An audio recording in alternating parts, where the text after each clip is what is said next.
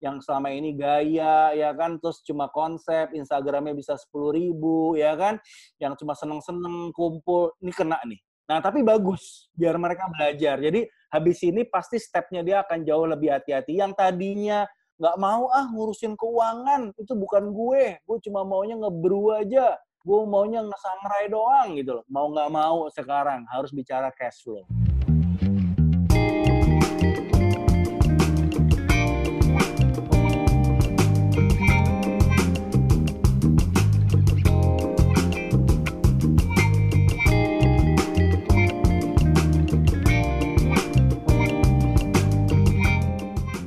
So, Mas Ari, is everything alright? Ah, so far so good. Kalau bilang sehat, alhamdulillah sehat. Keluarga juga masih sehat. Uh, ngelihat teman-teman yang lain juga kayaknya juga ini sudah masuk udah masuk bulan ketiga sih kelihatannya udah mulai ya udah mulai biasa kali ya, udah mulai berdamai lah dengan keadaan. Jadinya ya bisa dikategorikan sehat lah semuanya. Oke, itu berarti kan kayak di dirinya sebenarnya sudah baik-baik aja gitu ya, udah bisa terima betul, gitu. Betul, betul, nah, betul, betul. Tapi kalau dari segi kerjaan gimana nih Mas? Kan Mas Ari ada yachts, nih ada hotel, plus ada juga Bondoro nih ada restoran. Uh, jadi gini, kalau kalau aku boleh cerita sedikit ya, Mbak Cici. Jadi memang pandemi ini tuh kelihatannya nggak semua orang termasuk uh, termasuk diriku juga yang siap dan prepare. Kalau siap sih ya namanya kita berbisnis kan pasti semua spekulasi kita harus siap. Resiko-resiko kita juga harus siap. Cuma masalahnya prepare nggak gitu loh. Nah, kita kebetulan tuh sejujur-jujurnya tidak memprepare kalau pandemi ini ternyata uh, berkelanjutan sampai bisa dibilang sih sudah sampai krisis ya. Kalau di kalau di kami, saya hmm. kebetulan kan uh, juga sehari-hari menjalankan bisnis sebagai konsultan, ya, konsultan hospitality, konsultan hotel. Jadi ya harus ibaratnya kalau dokter kan dokternya nggak boleh kelihatan sakit gitu Jadi kita proper strong gitu ya kan. Ya, nah, tapi kita berhadapan setiap hari juga sama orang yang sakit. Padahal diri kita juga sakit. Jadi kelihatannya semua orang dalam kondisi yang tidak prepare. Nah jadi karena kata kuncinya itu prepare yaitu mempersiapkan. Nah, itu pertanyaan yang paling bagus gitu loh. Sebenarnya uh, apakah siklus ini juga akan terjadi karena kita kan nggak ada yang tahu. Pertama, jangankan COVID-nya selesai ya. Hmm. COVID-nya belum selesai pun juga nggak ada yang tahu kalau ada second wave gitu loh. Nggak ada yang tahu kalau ada third wave gitu loh. Jadi kita nih saat ini di stage atau di tahap di mana kita harus mencoba untuk survive dan kita mencoba untuk mencari uh, persiapan. Nah, itu yang yang serem tuh yang kedua. Kalau survive tergantung dari sudut mana individu melihat ya. Kalau kalau ada beberapa klien yang sudah sampai di titik dia harus menjual beberapa aset untuk mempertahankan dan mensustain bisnisnya. Tapi ada satu klien saya juga melihat ini sebagai peluang. Ada satu klien tuh lucu juga, dia melihat ini sebagai peluang. Jadi pertama peluang untuk melakukan development, melakukan okay. untuk belanja aset gitu. Mm-hmm. Jadi saya ini sulit kalau kita bilang apa krisis ini itu menimpa orang secara merata sebenarnya enggak, tapi juga melihat di satu sisi banyak peluang. Nah, kalau di kita ya saat ini hmm. kalau pribadi ya memang industri tourism, industri traveling ini um, benar-benar nggak ada safety net dari awal. Okay. Kita nggak pernah nggak pernah apa ya kalau ibarat kita kecil tuh nggak pernah dikasih aba-aba gitu loh. Kita kalau main tak kumpet itu kan kadang-kadang juga pakai aba-aba ya lima, empat, tiga, dua, apa. Kita tuh nggak ada aba-aba gitu loh. Nah karena kita nggak ada aba-aba tuh jadinya sekarang tuh kayak apa ya kayak udah ke mana-mana arahnya. Jadi mencoba survive tuh ke mana-mana. Ke mana-mana ada yang langkahnya benar dan ada yang langkahnya salah. Tapi kalau saya bilang sih kesalahan dalam era krisis ini sebenarnya udah bukan bisa dibilang kesalahan, tapi ya itu harus pembelajaran yang yang memang harus dilewatin. Tinggal sekarang dari kesalahan itu efisien nggak gitu loh. Ada satu teman yang kemarin di awal-awal pandemi dia akan main kopi ya. Mm -hmm. Dia udah coba beberapa cara dengan jualan kopi juga yang sekarang kemasan model satu literan gitu ya. Dia udah Mhm. mencoba gitu loh. Tapi ternyata, loh kok malah nggak gitu kenceng ya. Maksudnya apa nggak terlalu nggak terlalu laku ya. Terus akhirnya dia coba-coba buat-buat agar-agar. Agar-agar campur apa mangga lah, terus dicampur apa gitu loh. Sehari dia bilang uh, awalnya uh, kopinya 50 botol, Hmm. agar-agarnya cuma 10, 15. Udah selewat seminggu agar-agarnya udah mulai sama penjualan perhariannya. Sama gitu. kopi. Terus sama kopi gitu loh. Terus terakhir-terakhir saya nggak udah nggak kontak kan gitu loh, karena Hmm. juga saya udah mencoba sibuk juga untuk mencoba bertahan hidup ya. Akhirnya kok saya tapi ngeliatnya ada yang aneh di storiesnya temen nih. Kok jadi kenapa nggak pernah ngeliatan dia ngepromo kopinya lagi gitu loh. Ah WA saya tanya gitu loh. Kopi lo apa kabar gitu loh. Mas, gue jadi nggak jualan lagi mas kopi. Gue jualan puding mangga, puding jelly, puding rambutan. Sehari 600 botol mas katanya. 600 600 cup dia bilang gitu. Waduh. Jadi ya itu kadang-kadang orang nggak bisa mene- menebak gitu loh ke arah Iya, iya, mana iya. gitu loh. Jadi ada ada cara-cara kayak begitu yang kita ketemu gitu loh. Ada temen juga pengusaha hotel juga melakukan hal yang sama apa namanya? Ada yang survive mbak. Jadi kalau bisa dibilang pengusaha hotel apakah semuanya nggak survive? No, ada yang survive juga. Jadi yang survive itu yang pertama mungkin memang secara relasi hotel itu sudah dekat dengan pemerintahan. Sehingga pada saat kondisi sekarang ini akhirnya uh, dia digunakan sebagai uh, tempat akomodasinya para medis, dokter, Oh, lalu iya, para iya, iya, perawat iya, gitu. iya, benar, jadi benar. jadi itu dia dia survive dengan segala keterbatasan. Tapi ya kembali lagi safety net safety net itu yang kita coba pelajarin ya. Jadi kalau ke depannya ada apa-apa tuh aba-abanya tuh apa gitu loh. Karena kemarin tuh sama sekali karena kita tuh di hotel tuh kan trennya ya, trennya Hmm. itu mostly beda sama Jakarta. Kalau di daerah Oke. itu trennya kalau liburan kan tentunya trennya naik. Mm-mm. Nah, terus kalau misalkan Jakarta, giliran liburan trennya turun. Nah, kebetulan Hmm. kalau misalkan kita bicara Jogja, kita bicara Bandung, kita bicara Solo, kita bi- bicara Medan gitu ya.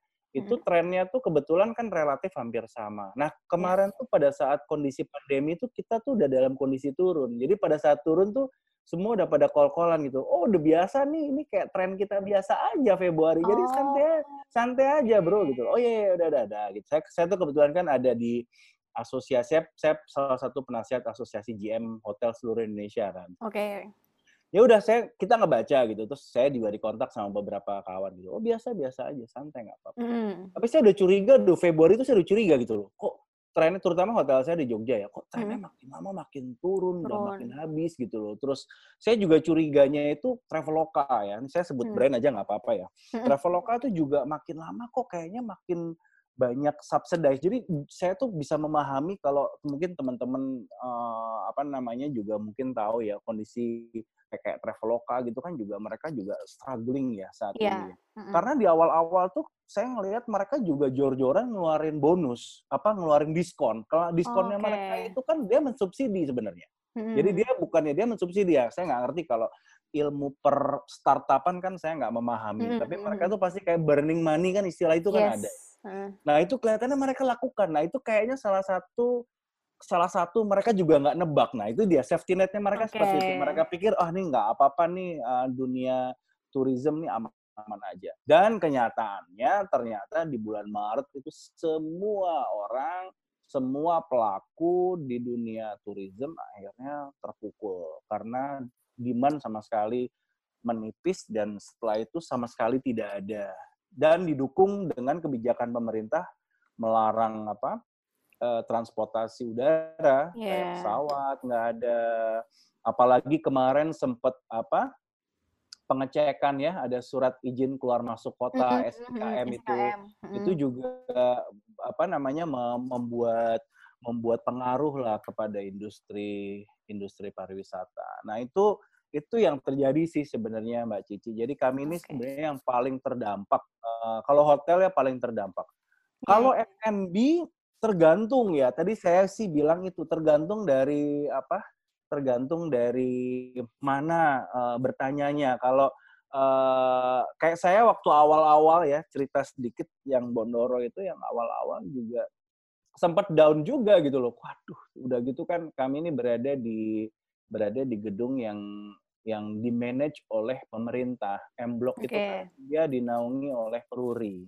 Oh, Lalu iya, iya. Bondoro di Sabang tuh uh, di bawahnya Kementerian BUMN. Jadi ya kita terima nasib. Ya, pemerintah bilang nggak boleh ngelakuin apa-apa ya kita kemarin juga akhirnya tutup gitu. Nah pada saat tutup tuh frustasi sih jujur kita mikir juga. Aduh saya sempat nggak bisa mikir lah. Uh, saya inget banget tuh bulan-bulan Maret minggu kedua, minggu ketiga tuh kayaknya berada di apa ya? Sebagai pengusaha itu cobaan terberat lah. Uh, ternyata cobaannya bukan mikirin investasi. Nah ini ini ini ini ini sama nih dengan uh. teman-teman pengusaha lain yang saya pernah dipanggil diajak ngobrol di apa di IG live lah atau hmm. di mana gitu. Di saat-saat itu tuh ternyata kita udah nggak mikirin investasi. Ternyata tuh orang Indonesia hebat tuh ternyata jiwa kemanusiaannya tuh tinggi. Jadi termasuk okay. saya. Jadi yang saya pikirin sampai ke mimpi, sampai apa tuh apa bahasa Indonesia-nya ya ngelilir tuh apa ya sampai uh -huh. wah gitu loh bangun gitu ya itu mikirin karyawan kita. Oke. Okay. Yeah, Jadi iya, kita iya. terpaksa kita lakukan itu karena pada saat itu the only way adalah kita harus mencoba mengcutting cost tapi bukan untuk kita keuntungannya tapi mem, mem stretching hidupnya. Jadi yang tadinya hmm. kita bisa bayarnya 100%, 100%, 100%, tapi dengan keadaan semakin memburuk, jadi kita 100%-nya diturunin, harapan kita tuh kalau dari sisi efisiensi cost tuh dia melandai. Jadi kalau misalkan nanti sampai amit-amit ya, amit-amit. Agustus gitu, kita hmm. masih bisa terus kasih karyawan gitu. Ibaratnya okay. seperti itu, iya, karena yeah. melandai gitu loh. Tapi ternyata ya kita juga kena cobaan lagi dari THR gitu. Jadi kita tuh aduh udah sempet apa Maret tuh sempet stres lah. Kira-kira gitu sih openingnya. Ber ah, nanti detailnya ada lagi. ya, udah lewat maka ya. itu alhamdulillah udah ya. Ya, udah ya, lewat lah. Ya, ya. tapi uh, dengan kondisi yang kayak tadi Mas Ari ceritain di di hotel dulu deh. Kita ngomongin yang si hotel dulu ya, dari ya. Hmm. dari yang Mas Ari ceritain tadi kan berarti berat tuh dan dari Februari udah mulai turun, nggak tahu yeah. bomnya di Maret dan yeah, ini yeah. udah tiga bulan gitu kan. Nah yeah, si betul. sendiri tapi gimana mas survive-nya? Maksudnya oh, untuk iya, ya. sendiri, ya. Kalau sendiri gimana kondisi? Nah ini saya tuh kebetulan kan uh, kebetulan memang di saat-saat uh, mulai-mulai pandemi itu kan nggak tinggal di Jogja, jadi saya nggak okay. nggak begitu menguasai gimana situasi dan kondisi Jogja.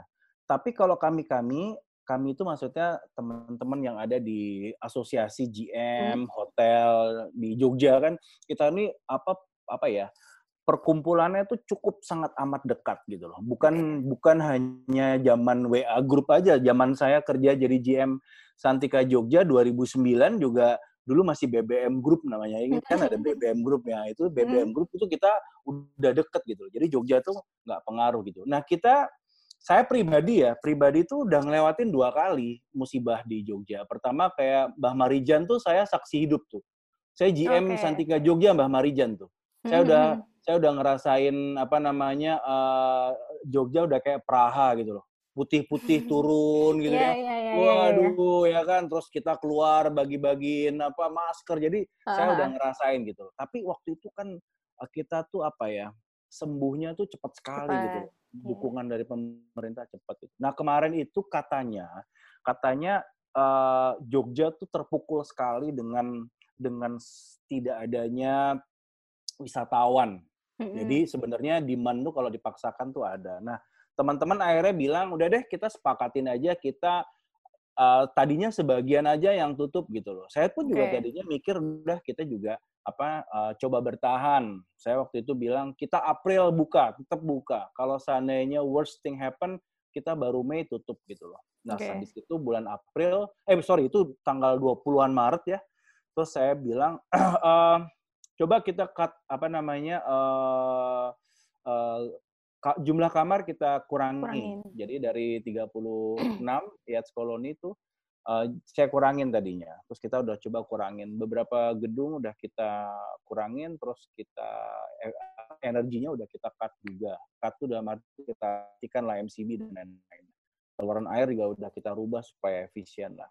Okay. Tapi makin lama makin habis gitu loh. Terus pas menjelang menjelang mau 1 April itu udah kayak ada arus tiba-tiba teman-teman tuh pada bilang Mas kita nggak sanggup nih, gila nih udah makin parah gitu. Jadi ini benar-benar kita tuh kayak kalau tsunami itu kan nyata ya. Ya, ya, tsunami itu kan nyata datang gitu kan nyata 2004 ya. Ini tuh nggak nggak ada gitu bentuknya. Jadi kita tuh nggak ada yang ngabang-ngabain gitu loh. Terus tiba-tiba hmm.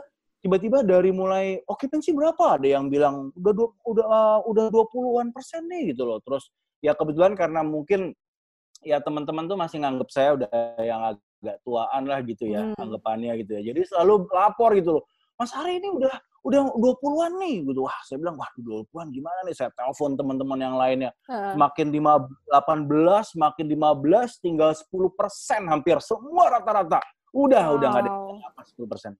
10 persen nggak ada yang napas, udah benar-benar lepas satu-satu. Termasuk hotel saya juga akhirnya tanggal 30 April, eh tanggal 30 Maret tuh kita bilang udah kita tutup 1 April, udah nggak sanggup. Wow. Akhirnya kita tutup 1 April. Nah itu detik-detik kita tutup itu ya, yang itu yang tadi saya cerita, kita yang kita pikirin, duh bukan bukan bisnisnya, tapi kira-kira karyawannya makan apa gitu loh. Uh, terus uh, kita kepikiran ini dampak dari ekonominya bagaimana, terus bagaimana vendor kita, vendor kita kan juga bukan vendor besar gitu loh, vendornya juga hmm, vendor kecil gitu. Jadi kita udah mikirnya macem-macem. Jadi itu dia. April tuh sama sekali udah tidak ada udah tidak ada kegiatan, udah ada tidak ada pemasukan, terus uh, kita tetap gaji karyawan.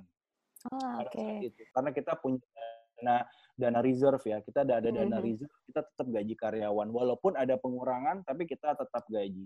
Dan kemarin THR kita juga tetap kita membayarkan walaupun tidak full. Jadi yang tadi saya bilang diturunkan tapi stretch. Prinsip saya, saya sampaikan sama tim unit, bukan hanya yang di, Jog, di Jogja nih Mbak, saya juga punya yang di Bali kan soalnya kan. Ya, saya juga mikir yang di Bali juga. Saya sampaikan, kita kurangi se-efisien mungkin.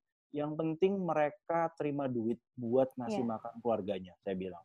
Jadi jangan sampai mereka nggak terima duit sama sekali, saya bilang gitu. Jadi kita ngupayain dari pemotongan 25%, potongan 50% tuh kita upayakan sekali sampai sampai kita akhirnya untuk ah, kalau udah beberapa beberapa hotel udah banyak yang angkat tangan, oh, udah absolutely. statusnya udah unpaid gitu loh. Nah, mm-hmm. saya pun juga udah bilang ini kalau tidak bisa ada apa? Tidak bisa ada indikasi positif, indikasi growth sama sekali di bulan Juli saya pun akan masuk di tahap itu yaitu akan meng-unpaid karyawan. Jadi udah udah nggak bisa bertahan lagi karena kita kan dagang kalau hotel sama restoran tuh kan dagangannya cash flow kan. Uh-uh. Kita tuh harian kan. Jadi ya wajar kalau nggak ada pemasukan ya terus mau ngasih ngasih uang apa gitu loh yeah. buat ke karyawan. Jadi itu sih sebenarnya buat kita. Jadi kondisiat seperti itu sekarang. Nah, akhirnya di bulan-bulan apa ya kemarin tuh di bulan Mei itu saya ngelihat ya ada harapan apa namanya uh, kok kelihatannya juga membaik keadaan terus ya walaupun masih masih ya masih tinggi apa apa pandemi ini tapi khususnya Jogja kelihatannya masih masih ada ada kabar baik lah gitu loh. Lah hmm. awal Juni akhirnya tanggap darurat diperpanjang. Oleh Jogja sampai akhir bulan Juni.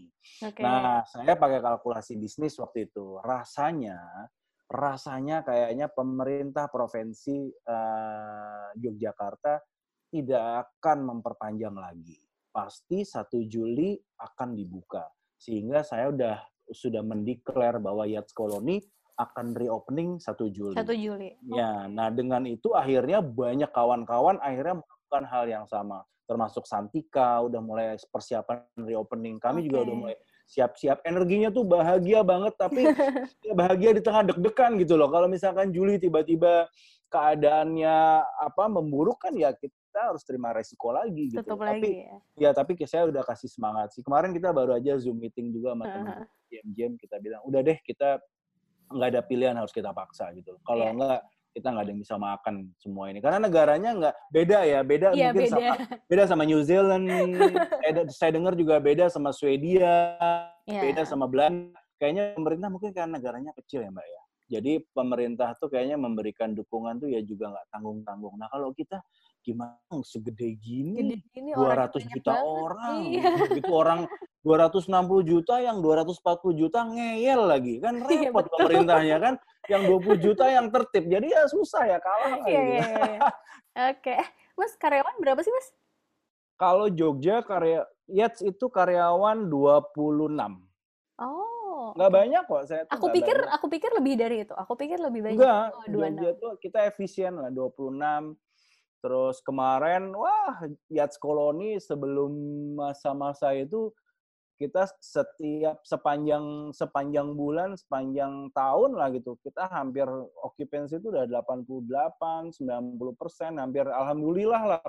Kita saya saya juga bersyukur sekali lah itu baby itu juga luar biasa brandingnya juga bagus gitu. Jadi cukup bisa ngasih makan lah buat kita ini sekeluarga. Iya, iya, iya. ya kan sampai tahun ketiga. Nah ini baru kerasanya baru sekarang ini keadaannya gitu loh iya kira-kira gitu oke okay. kalau kalau ini mas Kain uh, tadi kan katanya ya rencana mau dibuka proyeksinya ya satu Juli nah sementara yeah. Uh, kita sempat dengar kabar kalau M Block tuh sebentar lagi kan akan dibuka yang ada Bondoro di situ. Nah, yeah, kalau betul, itu betul. gimana Mas kayak uh, ceritanya si Mbok Noro sendiri itu Iya.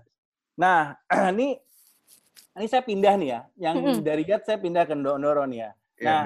Jadi waktu di bulan Maret itu ya itu di masa-masa apa ya? Di masa-masa saya saya diuji lah ya gitu. Saya uh, apa pertama kali kena ujian seperti ini. Saya jujur saya nangis-nangisan loh, Mas saya sama istri itu nangis-nangisan. Itu anak saya sama istri saya baru pulang dari Amerika. Pas sekolahnya juga di lockdown dia di Amerika. Uh. Dia pas pulang itu saya literally nangis saya.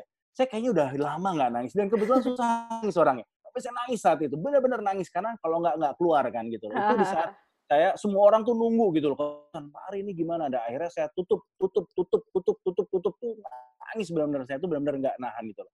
Nah itu saya sempat down, sempat nggak bisa mikir, bingung saya mau cari apa gitu loh. Diundang sama orang IG Live tuh saya tolakin, diundang Zoom juga ditolakin. Saya padahal paling seneng diajak orang ngobrol, diajak hmm. ngajar gitu paling seneng. Tapi saya dua minggu tuh saya tolak-tolakin. Saya ngerenung banget. Dan abis itu saya uh, ngelihat peluang. Saya melihat peluang. Pertama saya melihat uh, tontonan-tontonan apa YouTube berita di Korea kenapa mereka sukses, Jepang hmm. kenapa mereka yeah. sukses. Akhirnya juga saya bukan pelopor sih. Saya yakin teman-teman lain di dunia F&B itu akhirnya juga udah melakukan. Akhirnya mereka masuk ke industri yang namanya food merchandising. Jadi kalau kalau kalau kalau Mas Gana sama Mbak Cici tahu kayak uh, makanan vakum, hmm. makanan hmm, hmm. kemasan itu yeah, iya. bahasa yeah. di dunia kami itu namanya food merchandising. Nah, akhirnya food merchandising ini hidup, Mas. Hidup tuh udah, oh sorry, sorry, bukan hidup. Food merchandising itu is a promising area. Tapi okay. kan saya nggak, kita nggak pernah ngelakuin itu toh. Apalagi mm. Mondoro itu kan, ya Mas Gana pernah ke Mondoro? Pernah, pernah. Udah, udah. Nah, kan bisa bayangin gitu loh. Misalkan kayak kayak kayak warteg gitu loh. Warteg yeah. dikemasin tuh gimana caranya kan nggak bisa kebayang kan. Orang nikmatnya nikmatnya makan di warteg itu selain kita makannya juga model touchscreen-nya itu loh. Mau apa ya, mas? Ya, ya, ya. Uh, ini aja mau deh. Uh, tongkolnya hmm. juga mau deh gitu loh. Eh, tahunya satu bu, nah kan ramenya kan di situ gitu kan. Ah. Nah, jadi kan, nah apa vibe vibe itu kan kita bingung ya. Tuh saya coba saya benar-benar saya buka kertas, saya coret-coret pakai tangan nih gimana konsepnya, saya saya, saya buat benar-benar untuk merubah Simbondoro itu akhirnya bisa diterima. Kalau kalau membuatnya sih gampang, tinggal beli mesin vakum 900 ribu, Tokopedia datang sama plastiknya saya vakum mah vakum. Cuma kan persepsi branding yang sudah dibangun oleh Ndoro akhirnya dipindahkan itu itu harus diciptakan. Nah akhirnya ya saya dibantu sama tim yang cukup kuat juga internal hmm. kami untuk merubah persepsi-persepsi itu. Jadi kalau misalkan melihat dari Instagramnya Monoro ya, akhirnya kita mainkan dengan kontennya kita mainkan, terus kita juga akhirnya merubah uh, kita jadi yang jemput bola. Kebetulan juga karena grup-grup kita walaupun belum besar sih, tapi kita tuh dari awal tuh senang banget uh, ini mas apa ya Mbak Cici ya um, senang banget uh, masalah database customer. Saya kebetulan oh, banget itu. Saya bilang saya hokinya yeah. di situ juga gitu loh. Yeah, yeah, Jadi bagus. kita tuh investasi gitu loh. Waktu itu ada ada ada tahun 2017 ada uh, ya karena saya orang hotel dan saya bekas kerja di Holiday Inn, ada teman India gitu ya. Waktu itu hmm. nawar-nawarin tuh masih murah percobaan lah gitu. Dia naruh aplikasi di saya, udah lo kasih lo bayar segini aja, Ri. Terus habis itu ntar lo tahunannya lo uh, apa namanya? Uh, lo nggak usah bayar kata teman saya orang India. Dulu satu satu tempat kerja bareng dia keluar dari uh, Hill apa Holiday Inn, saya terus balik ke Jakarta di Holiday Inn Jakarta, dia di sana, terus akhirnya dia resign, terus dia bikin aplikasi itu. Nah kita okay. investasi di situ walaupun nggak gede. Kita mulai memanage tuh yang namanya customer relationship management tuh kita memanage dengan uh, cara yang sangat sederhana, bukan yang SAP yang sebegitu lengkap dan komprehensif tidak, kita sederhana. Itu salah satu juga akhirnya uh, keuntungan. Akhirnya kita punya database cukup banyak. Jadi dari Yats Koloni, Kemilau, Kemilau Canggu, lalu ada Mbok Ndoro dua, lalu kebetulan uh, saya sama istri kan bawahin uh, apa namanya bawahin Purana, mm. habis itu bawahin Kaloka kan Kaloka dibawa istri juga kan. Mm. Akhirnya kita, pas kita gabungin semua, wah kita kaget gila kita punya seratusan ribu customer gitu loh. Hmm. Wah dari sini saya coret-coret lagi berarti ini udah saya kembali lagi kayak zaman tahun mungkin tahun 2000 awal ya, zaman kita ditawarin dan diganggu mas sama customer service gitu loh. Iya benar. Nah, akhirnya gantian. Itu, sekarang gantian. Jadi itu yang akhirnya menggantikan orang yang mengantri Mbok Noro, kita gantikan kita maju ke sana. Jadi kita okay. kita ada sekitar 3 sampai 4 orang kita kerahkan untuk melakukan customer service, kita membuat format, kita WA segala macam, kita udah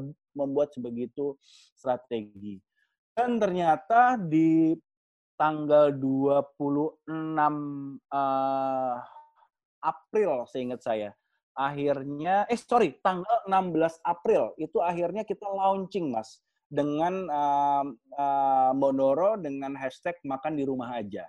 Oke. Okay. Nah, hmm. kita ya berawal udah deh yang penting aktif dan yang nggak nggak akhirnya nggak semua orang kerja juga kan jadinya yang seadanya aja lah gitu akhirnya udahlah yang ada sisa berapa dan kita nggak meng-hire yang dari daerah dulu karena kebetulan Bondoro itu juga uniknya saya tuh kayak ini mas, saya tuh kayak uh, mindahin orang desa ke Jakarta. Jadi kenapa rasanya Bondoro desa itu karena isinya memang yang masak orang Solo, terus habis itu jadi semua, semua orang Jawa itu mas, itu oh. Jakartanya mungkin cuma sekitar tiga empat orang, itu semua orang Solo, tinggal di Klaten, di Muntilan, itu semua orang-orang saya bawa semua. Bawa dua hmm. orang langsung bawa lima ya. Biasalah orang Jawa kan gitu kan, senang. Bawa bapak, iya benar. Gitu kan. Ya, akhirnya saya bawa itu semua. Nah, itu pulang. Nah, itu juga pukulan buat saya. Itu juga, hmm. waduh, oh, udah nggak ada pulang. saya coba cari. Udah, saya coba cari deh yang ada deh, yang ada. Akhirnya ada. Ada DW, dulu daily worker yang pernah kita training. Kebetulan eksekutif chef kami yang di Monoro, itu aslinya orang Solo, tapi udah pindah ke Jakarta. Jakarta. Jadi, oh, okay. akhirnya dia mencoba mentraining lagi. Jadi, April itu kita launching makan di rumah aja untuk Monoro dan ternyata booming. Hmm. Kita surprise banget, surprise surprise surprise-nya. Malah saya bilang, duh, saya juga mikir-mikir gila Mondoro bisa ngidupin semua kita akhirnya. Jadi kita bulan April tuh Mondoro mau berjalan, bangsa cuma dua atau tiga atau empat yang order udah ada yang sepuluh, ada yang apa namanya, ada yang dua puluh, kadang-kadang ada pesannya macam-macam. Jadi jadi semakin apa semakin banyak.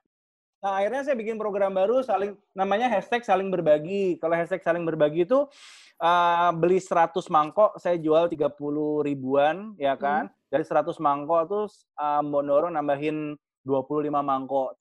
Tapi itu kita langsung kerjasama dengan mitra-mitra distribusi, ada yang ngirim ke medis, ada yang oh. kirim ke yayasan yatim piatu, ada yang ke kaum marginal. Kita ngerjain, saya targetnya waktu itu udah saya cuma cuma punya waktu dua minggu aja lakukan dan hmm. bikin program ini.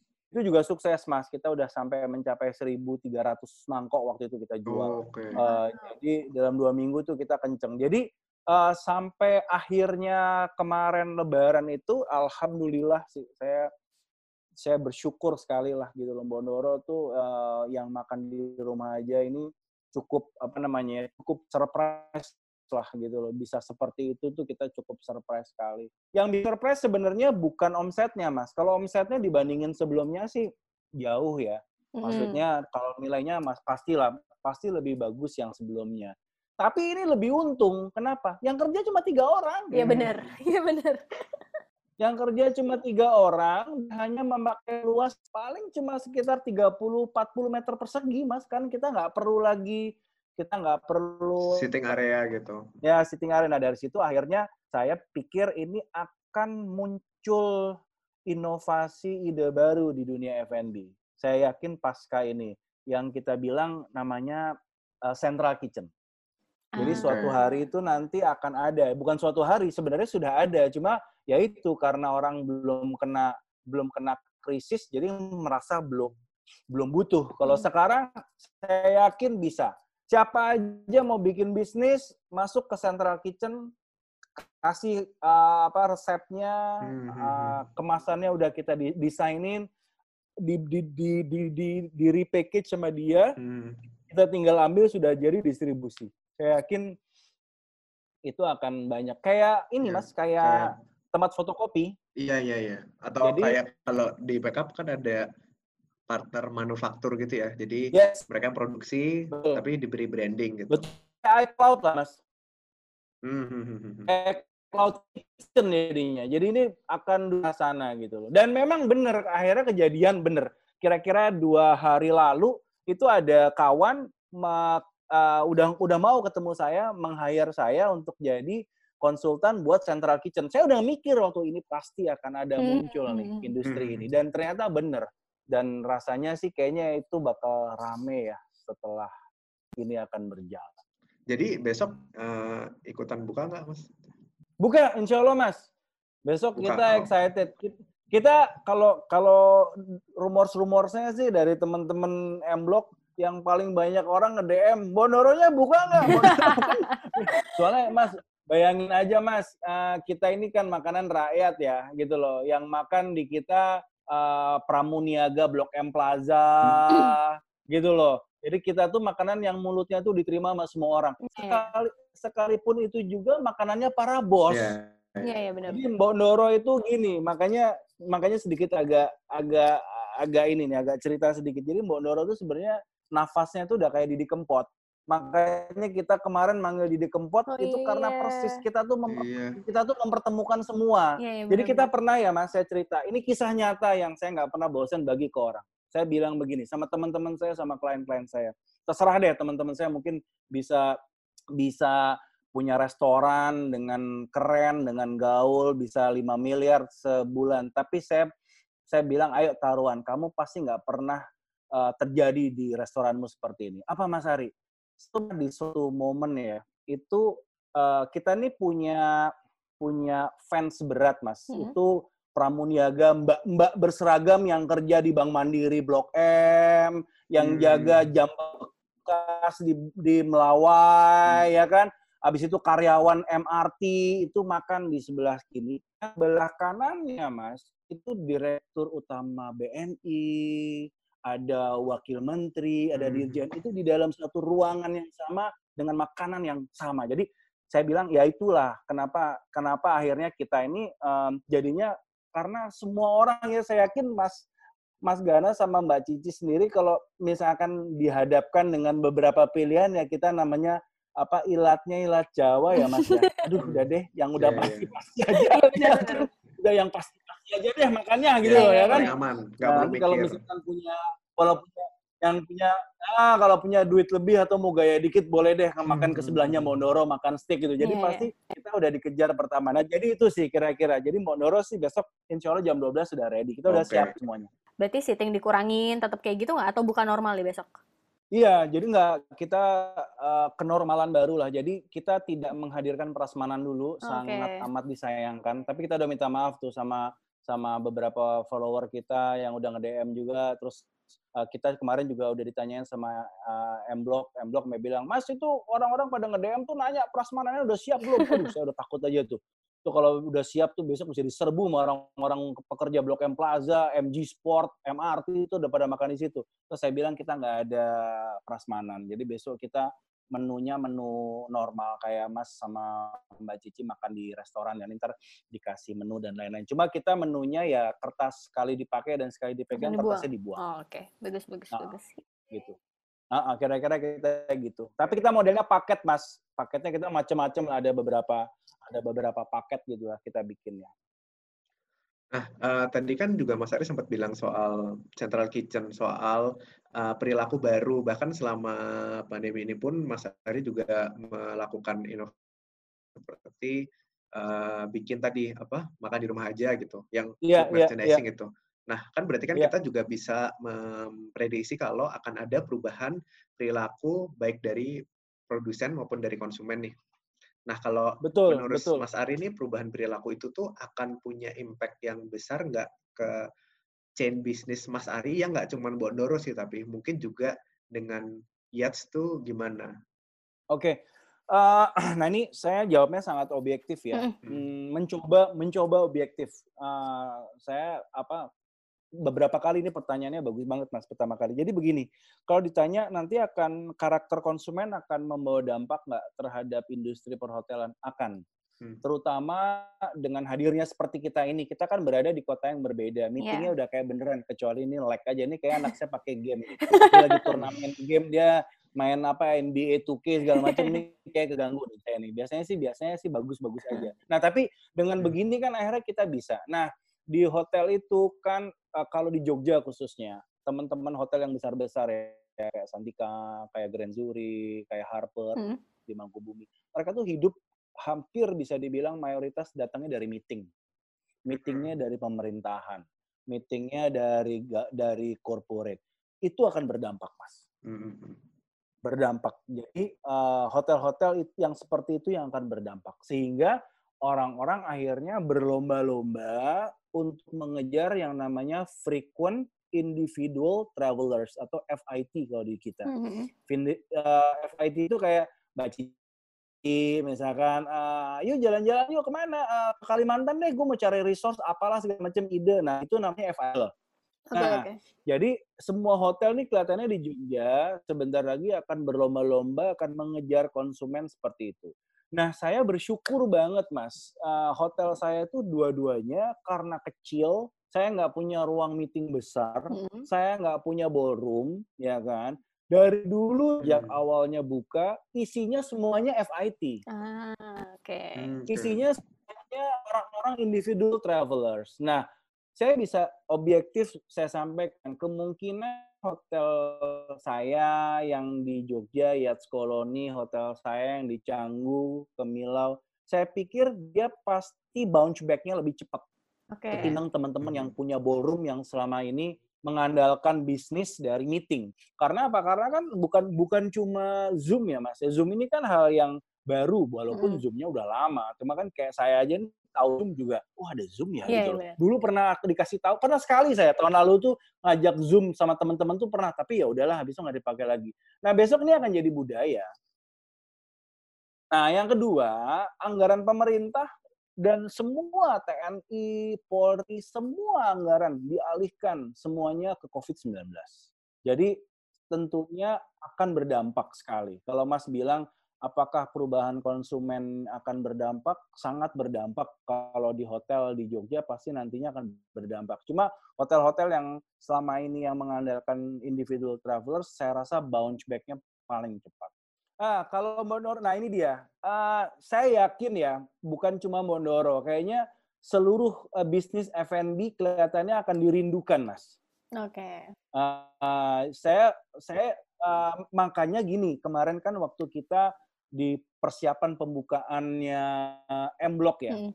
Uh, M Block kan beda ya sama mall. Yeah. M Block itu uh, buh bisa ribuan tiap hari orang yang datang. Hmm. Uh, apa namanya? Weekend juga bisa banyak sekali Mas, ribuan. Eventnya juga banyak sekali. Jadi uh, bisa dibilang tuh vibe-nya tuh nggak pernah berhenti. Apalagi kemarin dipaksa istirahat. Orang yang rindu ketemu tuh udah pasti banyak.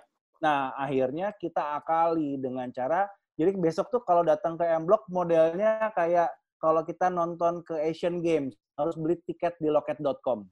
Oh, Jadi ya M-Block kita menerapkan seperti itu. Jadi modelnya seperti itu. Kamu mau makan di mana? Mas Gana mau makan di mana? Makan Bondoro. Ya udah beli di loket.com. Oh, jadi okay, jadi kita kita tertata rapi. Kini untuk mengantisipasi. Saya nggak ngerti kalau manajemen mall yang lainnya kita nggak ngerti karena ya mungkin manajemennya M-Block bisa agak sedikit sombong karena dia sama sekali bisa traffic itu bisa ngalahin PS mas, hmm. traffic iya, itu bisa ngalahin Senayan City itu gila banget uh, M-Block tuh makanya bener-bener sekarang dibatasi dengan tiket gitu. Jadi kalau saya bilang makanan udah pasti akan bounce back-nya cepat sekali karena tadi saya wa sama Mbak Cici kan. Mm. Aduh Mbak Cici saya kangen banget ya diajak orang meeting. Meeting yuk Mas Ari di mana? Starbucks. ya ampun sekarang.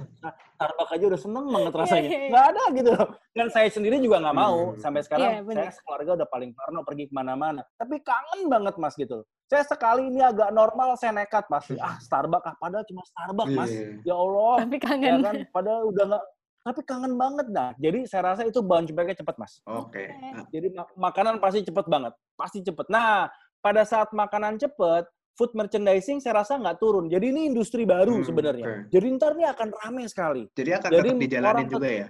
tetap dijalanin karena kan banyak orang yang menikmati soal kondisi suasana digital seperti ini, yeah. ya kan? Mm-hmm. Ah udah deh, GoFood aja, ngerti nggak? Mm-hmm. Ya Mas Cici saya GoFood, mm-hmm. Mas Gana GoFood, ngerti nggak? Yeah, yeah, yeah, yeah. Nah, itu lama-lama makin banyak. Udah gitu yang inovatif semakin banyak tiap hari, Mas. Ada mm-hmm. aja. Saya tuh termasuk yang aduh saya nggak ngerti ini dikirimin banyak banget makanan. Entah tuh es krim diapa-apain, entah tuh apa diapa-apain, semakin hari semakin kreatif lah orang-orang gitu loh. Uh. Jadi food merchandising tuh akhirnya merangsang individu untuk berbuat lebih inovatif di dunia F&B. Akhirnya okay. harus dengan krisis kita keluar ini gitu. Iya, yeah, iya, yeah, iya. Yeah. Oke, nah kalau dari kepribadian Mas Ari nih, uh. apa aja Mas yang udah berubah Mas selama pandemi ini?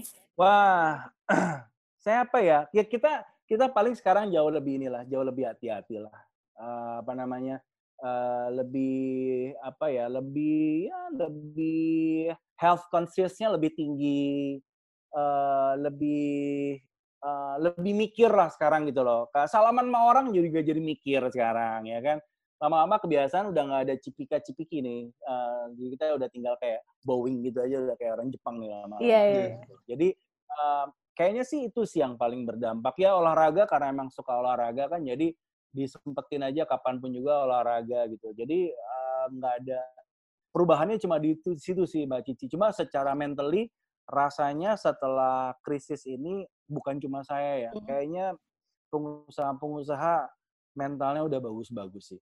Nah ini yang saya sih, hmm. saya sih cuma kemarin tuh ada beberapa kali ngajak saya IG Live juga, saya bilang ini akhirnya pengusaha-pengusaha anak muda Indonesia sudah diuji di awal gitu. Hmm. Saya kan udah ya saya di tengah-tengah kan gitu loh. Jadi yang yang tengah-tengah mungkin juga kena yang awal, kena Krismon saya juga ada, ada di dalam ya, Krismon 98 gitu loh.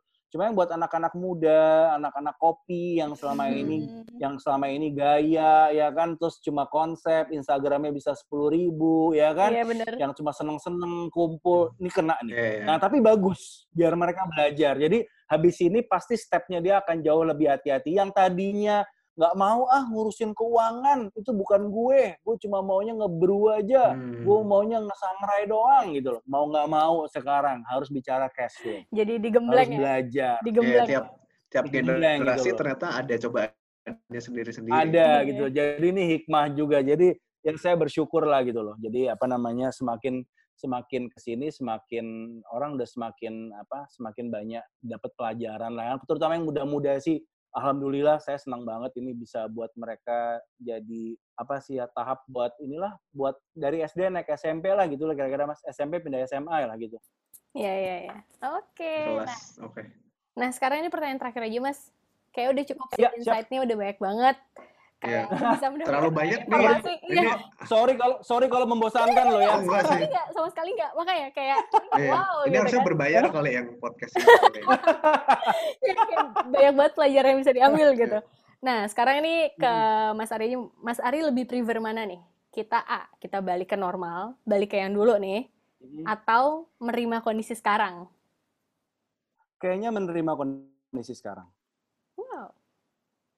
Karena kalau kita kembali ke normal, aduh, nggak pernah belajar tuh mengenai aba-aba tadi loh. Saya juga kena teguran kok. Eh, secara pribadi kena teguran. Secara finansial keluarga juga kena teguran. Bagaimana saya melihat bisnis juga kena teguran.